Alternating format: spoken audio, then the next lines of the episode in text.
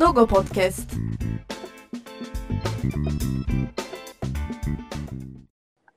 Donko Podcast'in yeni bölümüne hepiniz hoş geldiniz, sefalar getirdiniz. Ben Fırat Akkuş.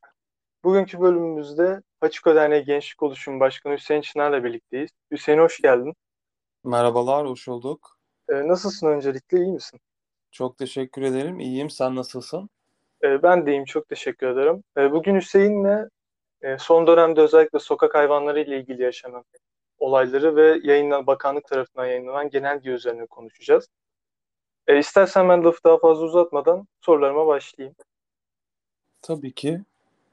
E, öncelikle çok klişe ama e, bence güzel bir soruyla başlayacağım. Hüseyin Çınar kimdir? Yani kendimize tanıtabilirsen çok iyi olur. Tabii ki. Hüseyin Çınar, e, Antalya'da doğdum ben. 1 Ağustos 1996 yılında Antalya'da doğdum. E, lisans eğitimimi Nişantaşı Üniversitesi İnşaat Mühendisliği bölümünde tamamladım. Yüksek lisans eğitimimi e, Yıldız Teknik Üniversitesi Yapı İşletmesi alanında tamamladım. Şu anda ulaştırma alanında yine aynı üniversitede yüksek lisans yapıyorum. E, bu dönemde lisans eğitimim sürecinde Yapı Kulübü adı altında bir kulübün kurucu başkan yardımcılığını yürütmüştüm. O kapsamda çalışmalar yürütürken e, hayvanlarla alakalı da farkındalık düzeyini yükseltecek etkinlikler yapmamız gerektiği kanısına vardık. Bu kapsamda e, kendi kendini yenileyebilen, sürdürülebilir kulübe yarışması yapmayı planlıyorduk. Bu süreçte üniversitemizde yaşanan olumsuz durumlardan dolayı ne yazık ki etkinliğimiz hayata geçirilemedi. Ama o süreçte yaptığım çalışmalar, o sürede yaptığımız birliktelikler sayesinde Hachiko ile tanışmış oldum. E, Hachiko ile tanışma sürecim en azından ben e, sormadan buraya girmiş olayım. Sürecim bu şekilde başladı. Dört yıldır da Hachiko ile birlikte çalışmalar yürütüyoruz. Çok iyi. Yani üniversite zamanında da bayağı aktif bir öğrencimizsin yani. Onu da anlamış olduk. Yani ee, üniversite zamanında aslında e, arkadaşlar aslında kendilerini üniversite zamanında kabuklarını aşmaları gerekiyor, kabuklarını yırtmaları gerekiyor. Bu süreç içerisinde aslında farkındalık düzeyi yüksek bir nesil yetişmesi için en önemli nokta lise ve üniversiteler diye öngörüyoruz. Üniversitelerde yaptığı çalışmalar hem mesleki hayatında hem ilerleyen gün zamanlardaki yetiştireceği ebeveyn rolündeki yetiştireceği çocuklar hakkındaki çalışmaları, onları yetiştirme tarzındaki e, nasıl söyleyeyim yetiştirme durumlarındaki o kararlılıklar ve vereceği doğru yönlendirmeler bu süreçte yaptığı çalışmalarla eşdeğer olduğunu düşünüyorum. O yüzden e, üniversite hayatında ve lise hayatında o çalışmalar oldukça önem veriyor. E, önemli olduğunu düşünüyorum. E, kesinlikle ben de katılıyorum dediklerine. Bence bu dönemde özellikle lise ve üniversite e, hem gelişim bir insanın gelişimi açısından hem de genel olarak e, hayvanseverler açısından düşüneceksek bence e, farkındalığın en çok arttığı seneler oluyor genellikle. Ben öyle düşünüyorum. Evet. E, bunun dışında şeyi sormak istiyorum. E, ya genelde dinleyicilerimiz belki bilmeyenler vardır aramızda. E, Hachiko'nun ve genel olarak son dönemde yaptıklarınız hakkında böyle, bize böyle bir özet geçebilir misin genel olarak? Son dönemde neler yaptı hakkında. Tabii ki. Önce işte derneğimizden bahsedeyim. Biz 2010 yılında kurulmuş bir derneğiz. Ömür Gedik tarafından kurulan bir derneğiz. Uzun adımız hayvanları çaresizlik ve ilgisizlikten koruma derneği olarak geçiyor. Amacımız toplumdaki hayvan sevgisini, saygısını aşılayıp hayvan haklarını korunmak için çalışan en etkin derneklerin başına gelmek. Burada işte sokak hayvanların korunmalarına ve doyurulmalarına ihtiyaç kalmamış, hiçbir hayvanın insani zevkler için kullanılmadığı bir dünya vizyonuna sahip olarak ilerliyoruz hayvan sevgisini bilincini geliştirmek, hayvan hakları ihlallerini önlemek, sahipsiz sokak hayvanları başta olmak üzere hayvanların refahını sağlamak misyonuyla çalışmalar yürütüyoruz. Bu kapsamda yaptığımız çalışmalar beslemeler, tedaviler, sahiplendirme çalışmaları, farkındalık çalışmaları, hukuksal çalışmalar, barınak ziyaretleri, yuva yapımı, bölgesel farkındalık çalışmaları, eğitimler ve gönüllü toplantıları ve motivasyon etkinlikleri olarak nitelendirebiliriz. Burada e, derneğimizin kurucuları arasında Sezen Aksu, Ajda Pekkan, Teoman, Ata Demirel, Ferhat Göçer gibi ünlü isimlerle birlikte e, Profesör Doktor Kemal Altun Atmaz, Sardar Uluç gibi alanında uzman e, veteriner ve avukatlarımız da yer alıyor. Çok iyi. Ee, peki şeyi soracağım. Ee, bu Genç Açıko'nun peki kuruluş dönemi nasıl oldu? Yani ayrı bir süreç olarak mı başladı evet. Genç Açıko yoksa Hachiko ile birlikte mi kuruldu? Genç Açıko süreci 4 yıl önce başladı. O dediğim demin bahsettiğim gibi üniversite sürecinde e, bizim gerçekleştirmeyi planladığımız sürdürülebilir kulübe yarışması nezdinde Hachiko ile tanışmıştım. O süreçte böyle bir oluşum kurma istekleri ve talepleri e, yönetim kurulu tarafından bizlere sunulmuştu. Bu görevde değerlendirmek ister misin diye dönüşler olmuştu. Ben de seve seve hayvanlar için ne yapılması gerekiyorsa seve seve yapacağımı, onlar için mücadele edebileceğimi ve daha güzel bir dünya yaratma noktasında hep birlikte çaba sarf edebileceğimizi söyleyerek e, Genç Açıko Başkanlık görevine başladım. Kuruluşumuz yaklaşık 2018 yıllarına dayanıyor. Hachiko Derneğimizin kuruluşu ise 2010 yılı. Çok iyi. Yani zaten Hachiko'nun genel olarak faaliyetlerini gerek sosyal medyadan gerek farklı ağlardan hani çokça görüyoruz. Yani umarım bu faaliyetler devam eder. Bence çok etkili ülkede bu tarz şeylerin farkındalığının arttırılması için. Bence ülkemizde özellikle son dönemde yaşanan olaylar bunu bize bir kere daha hatırlattı. Ee, hayvanseverlik üzerine bir farkındalık oluşturmak için bu tarz derneklerin faaliyetleri gerçekten çok kritik önem taşıyor. O yüzden ben yani Hachiko'nun faaliyetlerini çok beğendiğimi söylemek istiyorum bir hayvansever olarak. Çok teşekkür ederiz. Ee, istersen ben genelge üzerine konuşmaya geçelim eğer senin için de uygunsa. Tabii ki, tabii ki. Ee, bildiğin üzere 27 Aralık'ta Çevre ve Şehircilik Bakanlığı bir genelge yayınladı sokak hayvanları ile ilgili.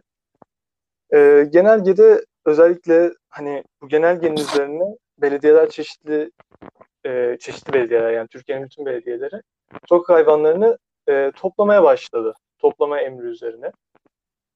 E, bunun üzerine yani özellikle burada şeyi çok gördük bu süreçte. E, Hachiko da galiba bildiğim kadarıyla paylaştı bunları sosyal medya ağları üzerinden. E, çok fazla e, yürütme sürecinde çok fazla aksilik yaşandı. Örneğin e, aşılı ve küpeli dediğimiz e, köpekler bile toplatılabildi sırf tehlikeli olarak görüldüğü üzere. Yani genelgenin üzerine böyle bir şeye gidildi. Evet. E, Hachiko'nun faaliyetlerini de bu konuda görüyoruz. E, ben hem senin hem de Hachiko olarak bu toplama kararı ile ilgili düşüncelerini merak ediyorum. Bu en son 27 Aralık 2021 tarihinde gündeme gelen bir genelge. İşte orada geçen konu hayvanların tehlike arz edip etmediğini, sahip olup olmadığını önemsemeden toplatılma durumu. Bu toplatılmada bazı belediyeler e, sosyal medyanın açıklamalarının üzerine rutin çalışmalar yapıyoruz dese de bazı belediyeler ayrım yapmaksızın toplatıldığına dair sosyal medyalarda itiraf edecek noktada şey, paylaşımlarda bulundular. Evet. E, Hayvanları Koruma Kanunu'nun 6. maddesi de açıkça bahsediyor ki e, kısırlaştırıyor belediye, aşılıyor ve alındığı yere bırakması gerekiyor. Bu top, yükün toplatılmasının yasalar nezdinde suç olduğunu belediyeler ve aslında hayvanseverler biliyor. Ayrıca bu genelge yazan maddelerin tamamı neredeyse e, yürürlükte olan kanuna göre belediyelerin aktif görevleri. E, uzun yıllardan süre gelen bu imkan, per, imkansızlık, personel ve tesis eksikliği gibi türlü nedenlerden dolayı hayvan popülasyonu artmaya devam ediyor bu genelgedeki durumların uygulanması e, bu ne bu nezdinde düşündüğümüzde olağan görünmüyor ki.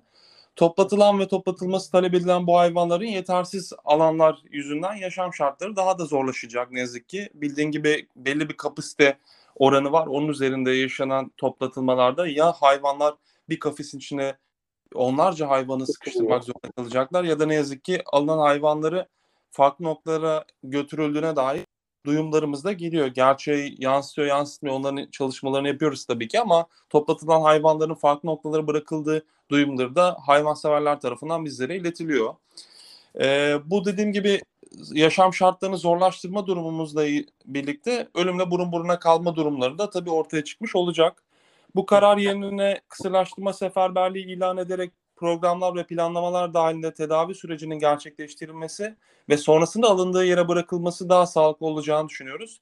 Çünkü ülkemizde yaklaşık 5 milyon sokak canının olduğu düşündüğümüz bir durumda bu kısırlaştırma seferberliği, çalışmaları ve planlaması yapılmaması durumunda e, sonuç alacağımızı ne yazık ki düşünmüyoruz. Ee, evet. Ya ben de katılıyorum kesinlikle. Yani çok büyük bir dengesizlik var. Hem bu dengesizlik aslında çok gözle görülür bir şekilde görünmesine rağmen bu toplama kararının alınması biraz ilginç bir durum. Ee, diğer bölüme geçecek olsak bu aslında genelgeden ziyade son dönemde e, özellikle ön plana çıkan bir konu. E, bakanlığın söylediği şekilde söylüyorum. E, yasaklı ve tehlike arz eden ırklar diye geçiyor. Özellikle son dönemde e, Asya Ateş'in e, 4 yaşındaki Asya Ateş'in yaşandığı olaydan dolayı bu konu daha ön plana çıktı ve bunun üzerine e, 14 Ocak tarihine kadar yasaklı kategorisine dahil olan cinsteki tüm köpeklerin kısılaştırılması kararı alındı. E, Açık aslında bu konudaki duruşunu gayet belli etmişti. Gerek sosyal medyadaki paylaşımlarıyla. Peki ilerisi için herhangi yapmayı düşündüğünüz veya bu konunun daha e, kötüleşmemesi için yapılabilecek bir fikir veya bir aksiyon planınız var mı? Yani bu kapsamda tahmini olarak bu yasak ırk parantez içinde belirttiğim aslında bizim için hayvan severler olarak yasal ırk, e, yasaklı ırk veya normal ırk diye bir durum yok. Biz onların hepsine can olarak bakıyoruz ama yasalar nezdinde bu kapsamda 100 bin civarı bir yasaklı ırk e, olduğu e, düşünülüyor. Bunların ise verilere baktığımızda yaklaşık 21 bin tanesinin tüm şartlarını yerine getirilerek kayıt altına alınmış olup geri kalanların sokaklarda, ormanlarda veya aileleriyle yaşanmaya devam ettiklerini e, görüyoruz. Bu sisteme dahil edilmeyen canlıların ise ilerleyen zamanlarda aileleri tarafından e, yaşanabilecek cezalar ve bakım zorlukları nedeniyle yakın zamanda sokağa bırakabileceğini öngörüyoruz. Çünkü bunların gerek veterinerler tarafından tedavilerine yapılması, gerek sokakta gezdirilmesi veya gerek e, kayıt sistemine dahil edilmemesi oluşabilecek şikayet durumlarında yüklü miktarlı cezalar ve hayvanların e, barınaklara hapsedilmesi durum var. O yüzden biz bu hayvanların yakın zamanda e, çoğunluğunun sokağa bırakılma durumuyla karşı karşıya kalabileceğimizi öngörüyoruz. Bu durumda ise amaçlanan yasakları kontrol altına alınması düşüncesinin tersi oluşacağını, bakım evlerin bu nüfusuna sağlıklı bir şekilde bakım için uygun olmadığını düşünüyoruz. Bu kapsamda yakın hedefimiz bu yasaklı duruma düşen 79 bin civarı canı sahiplendirilip sisteme dahil edilerek aileleriyle mutlu bir şekilde yaşamasının sağlandırılması düşüncemiz var. Bu da sürecin ek süreyle uzatılması doğrultusunda oluşabilecek bir durum. Barınak ve bakım evlerine giden canlarımızın ise yaşam şartlarını değiştirmesi için denetimler ve çalışmaları hem açık olarak hem diğer STK'lar ve hayvanseverler olarak çalışmalarını yürütüyoruz. Hı. Tabii bu kapsamda sokağımızda hayvan toplanılması durumuyla denk gelmemiz e, karşı karşıya kalabiliyoruz. Bu demin de bahsettiğimiz konu var.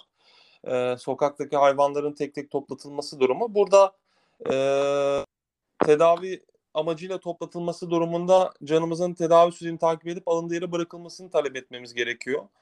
Ayrıca bu konu hakkında gelişme olmaması ve tedavi sonrası alındığı yere bırakılmaması durumunda ise 5199 e, sayılı hayvanları koruma kanunu 4 ve 6. maddesinin atıfta bulunarak e, CİMER ve e, HAYD üzerinden şikayetlerde bulunabiliyoruz. Tabi bunu yasaklı nezdinde düşünürsek ne yazık ki 14 Ocak itibari sonrasında yaşanılacak tüm toplatılmalarda ne yazık ki hayvanlarımızı barınaklardan kurtaramıyoruz. Orada yaşama mahkum bırakılıyor ne yazık ki. Bizim buradaki düşüncemiz e, en azından e, bu süreç eğer bu uygulama gerçekleştirilecekse bile bu sürecin uzatılması ve yasaklı ırk olarak nitelendirilen canlarımızın aileleriyle kavuşturulup sahiplendirilmesi çalışmasının yapılmasıdır. Ee, çok güzel. Ee, ben öncelikle e, şeyi söylemek istiyorum bu konu hakkında. Aslında biz bu e, yasaklı kararıyla alakalı kötü dönüşleri zaten aslında çeşitli görüntülerle görmüş olduk. Ormanlarda bir sürü yasaklı ırka dahil edilen cinslik köpeklerin bulunduğunu çok görüyoruz. Bu tarz kötü görüntülerle karşılaştık. Ee, bunun üzerine bir değişiklik yapılması gerekiyor bence de. Yani biz zaten şöyle düşünüyoruz. Şimdi bu e, yasaklı olarak nitelendirilen hayvanların çoğu farklı ülkelerde bebek bakıcısı hayvanlar olarak e, isimlendiriliyor ve gayet güzel görüntüler, gayet ailesiyle, aileyle birlikte yaşayan, küçük çocuklarla, bebeklerle birlikte yaşayan hayvanları görebiliyoruz videolarını. Biz Hı-hı. burada aslında düşündüğümüz şey yasaklı e, insanların, bu onların sahibi olarak, onların e, ailesi olarak gördükleri kişilerin e, uyguladıkları olumsuz durumlar. Çoğu kişilerde görüyoruz ki bu e, pitbull denen cinsler genellikle e, belli kesimler tarafından beslenen hayvanlar. E, tabii hepimiz e, besliyoruz ama belli kesimler uyguladığı şiddet görüntüleri, şiddet durumları ne yazık ki o hayvanların da şiddete yatkın olarak yetişmesine neden oluyor. Ee, yanlış davranışlar, yanlış yetiştirme durumları ne yazık ki insanlarda da öyledir bildiğimiz gibi. Anne ve babasından uygul gördükleri davranışları insanlar ilerleyen yaşlarda sergilerler. Bu da öyle düşünebiliriz. Onların ailelerinin gerçekleştirdikleri durumlar ve davranışlar o hayvanların, o canlıların ilerleyen dönemde benzer davranışta bulunmalarına itiyor. Ki. O yüzden biz hayvanlardaki suç değil de biz onların yanında ailesi olarak gördükleri sahiplerinde suç olduğunu düşünüyoruz. Evet kesinlikle katılıyorum. Ben de onu az önce söyleyecektim. Ee, bence de asıl aslında soru sorulması gereken soru o aslında. Yani ırkı sorgulamak yerine aslında onları yanlış yetiştiren kişileri bence öncelikle bir gö- incelememiz gerekiyor. Yani yanlış yerden bakıldığını düşünüyorum ben de. Evet. Ee, bunun dışında ben aslında şunu sormak istiyorum. Ee, hem sen hayvansever olarak bu konuda çok içi olduğu için hem de Hachiko'da e, görev aldığın için soruyorum. E, son dönemde e, özellikle bu yaşanan olaylardan dolayı e, bakım evlerinin ben şeyini merak ediyorum. Son dönemde nasıl bir durum ya da bir değişiklik var? Yani genel olarak bakım evlerindeki gerçek yaşam şartları nasıl? Yani nasıl bir süreç var orada? Nasıl bir yaşam şartları var? Şimdi şöyle bahsedeyim ilk başta. 5199 sayılı hayvanları koruma kanunu var bizim yürürlükte e, takip ettiğimiz. Bu Hı. bakım evlerini hayvanların geçici tedavileri veya rehabilitelerinin sağlanmasının ardından alındığı noktaya bırakılması sürecini geçirdiği yer olarak geçiyor. Yani orada daimi bir bakım olmuyor. Hayvanları tedavi ediyoruz, rehabilite ediyoruz. Sonrasında tekrar alındığı noktaya bırakıldığı süreç içerisinde geçilen yer olarak nitelendiriliyor. Bu durumdan dolayı bölgelerin ster- steril olması, canlılarımızın yaşam şartlarına uygun olarak tasarlanmış olması gerekmekte. Bu kapsamda gerekli koşulların yerine getiren belediyeler zaten günümüzde oldukça az. Bu en son alınan kararlar ve yasaklı ırkların da toplatılması durumu son dönemde yaşanan e, toplatılmaları da göz önüne aldığımızda bu alandaki e, nüfusun artmasıyla birlikte sterillikleri ve e, yaşam şartlarına uygunluğunu zorlaştırmakta. Bu kapsamda aslında yerel belediye, yerel ve genel yönetimlerinde denetimler ve şartların iyileştirmesi noktasında daha çok görev düşmekte. Bizim iyi gördüğümüz ve bizlere gelen ihbarlar doğrultusunda bakıyoruz ki ne yazık ki e, kafesler bu hayvanların bakıldığı kafesler, barınaklarda ve rehabilitasyon merkezlerine bakılan hayvanların bulunduğu kafesler ne yazık ki sayılar gitgide artmış. Hayvanlar bir kişinin yaşaması gereken bölgelerde 3 hayvan, 4 hayvan yan yana yaşıyor. Bu hem onların açısından e, psikolojik açıdan sorunlar yaşamakla birlikte hem de steril ortamın kalkması noktasına geliyor. Oraya tedaviye gelen hayvanlar oluyor. Tedaviye gelen hayvanlar sonrasında diğer hayvanlarla iç içe olmasından noktasında e, ekstra mikrop kapmalar, farklı durumlar karşı karşıya kalınabiliyor. Ama şu anda gördüğümüz şu ki ne yazık ki e, barınaklar ve e, hayvan bakım evlerinin e, kapasiteleri son derece e, üzerinde bir hayvan toplatılması durumu var. Son derece üzerinde bir nüfus var diyebilirim. Teşekkür ederim. İyi oldu. Yani ben de bunu aslında kendim çok merak ediyordum. Çünkü e, dışarıdan büyük ihtimalle büyük bir çoğunluğunu göremiyoruz böyle gerçek yaşam şartlarının nasıl olduğunu. Tabii ki çok iyi olmadığını biliyorduk ama senin böyle içten gören biri olarak söylemen daha iyi oldu. E, peki şunu sormak istiyorum. Bakım evlerinin durumundan konuştuk. Sence e, köpeklerin ya da kedilerin, dostlarımızın en rahat ve en iyi koşullarda yaşayabileceği bir barınak nasıl bir özelliğe sahip olmalı? Yani nasıl bir barınak olmalı ki e, gerçekten hem psikolojik olarak hem e, sağlıksal açıdan iyi şartlarda yaşayabileceği bir ortam sağlanmalı ona. Yani öncelikle biz dernek olarak ve kendi nezdimde tüm canlıların sıcak ve aile ortamında yaşamayı hak ettiğini düşünüyoruz.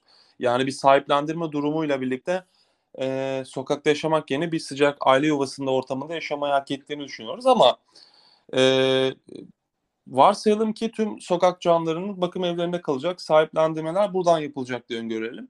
Bu koşullarda canlımızın sağlıklı yaşam sürmesi için hijyenik alanlar gerek. Enerjilerin atabilecekleri açık ve kapalı oyun ve yürüyüş alanları olması gerekiyor. periyodik bakımlar için bölümler, geniş ve her canlının özgür yuvaları olması gerekiyor. Psikolojik bakım açısından psikolojilerinin geliştirilmesi ve o noktada e, problem yaşanmaması noktasında türlü e, ne derler türlü periyodik bakımların benzer olarak gerçekleşmesi gerekiyor. E, bu durumların yaşanabildiği ortamlar aslında hayvanlar açısından yaşanılabilir bir e, bölge diyebiliriz. Tabii bununla dünya ölçeğinde benzer sistemde var mı uygulamaları? Belli başlı noktalarda var. Mesela biz kafessiz yaşam düşüncesini biraz daha destekliyoruz. Burada Kaliforniya'da Cat House on the adı altında bir örnek verebiliriz. Tamamen kafessiz bir yaşam sunan, yaklaşık yuvada 700'den fazla kedinin bakıldığını gördüğümüz bir e, uygulama. Bunun ve benzerin uygulamaların diğer ülkelerde olduğunu biliyoruz ama e, ülkemizde bu noktaya gelinceye kadar çok fazla süreç gerektirdiğini de düşünüyoruz. Yani ne yazık ki şu anda hayvanların bile bulunan ortamlarda hijyenik bir şekilde bakılmadığı, e, sağlıklı bir yaşam şartları olmadığını gördüğümüz bir Türkiye'de ne yazık ki bu e, kafessiz yaşam, hijyenik alanların sağlanması, enerjinin atacak açık ve kapalı yürüyüş alanların ve oyun alanlarının olması e, biraz uzak görünüyor ama eğer böyle bir uygulama yapılacaksa bunların olması mutlak önemli. Ee, çok teşekkür ederim öncelikle cevapların için. Benim sorularım bu kadardı. Ee, hepsini çok güzel cevapladınız zaten. Seyircilerimizin de hani kafasında soru işareti kalmamıştır diye düşünüyorum. Ee, senin eklemek istediğin herhangi bir şey var mı? Bunlara ek olarak belirtmek istediğin.